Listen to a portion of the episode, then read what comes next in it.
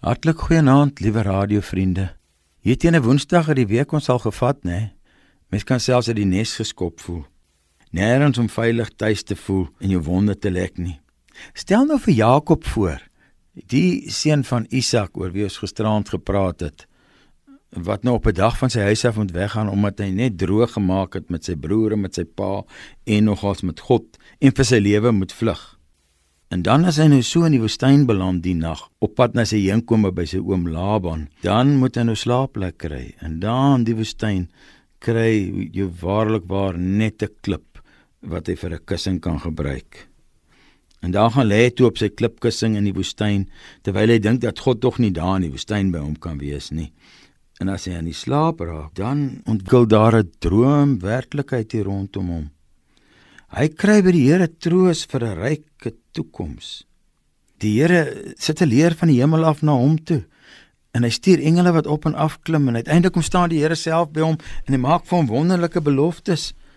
In die oggend as hy wakker word, dan is hy baie bang want hy sê die Here is op hierdie plek en ek het nie geweet dat hy hier is nie. En hy het nog 'n belofte gemaak dat hy vir my 'n lewe sal gee en sal voorsien en 'n nageslag gegee Dit lyk vir my asof ek van hier af verder sal kan rustig slaap. Al lê daar 'n slegte dag agter my. Ek sal maar 'n gedenksteen hier oprig. Vir ingeval ek weer verbykom om my te herinner dat God selfs met sy seun is waar ek dit die minste verdien of verwag.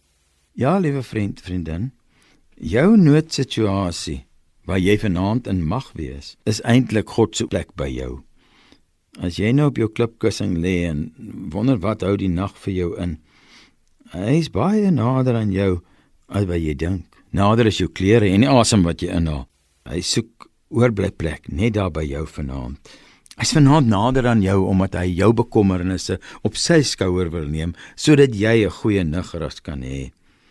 Hy gaan vannag sy engele stuur om vir jou op hulle hande te dra sodat jy môre weer op jou voete kan loop en kan mens wees.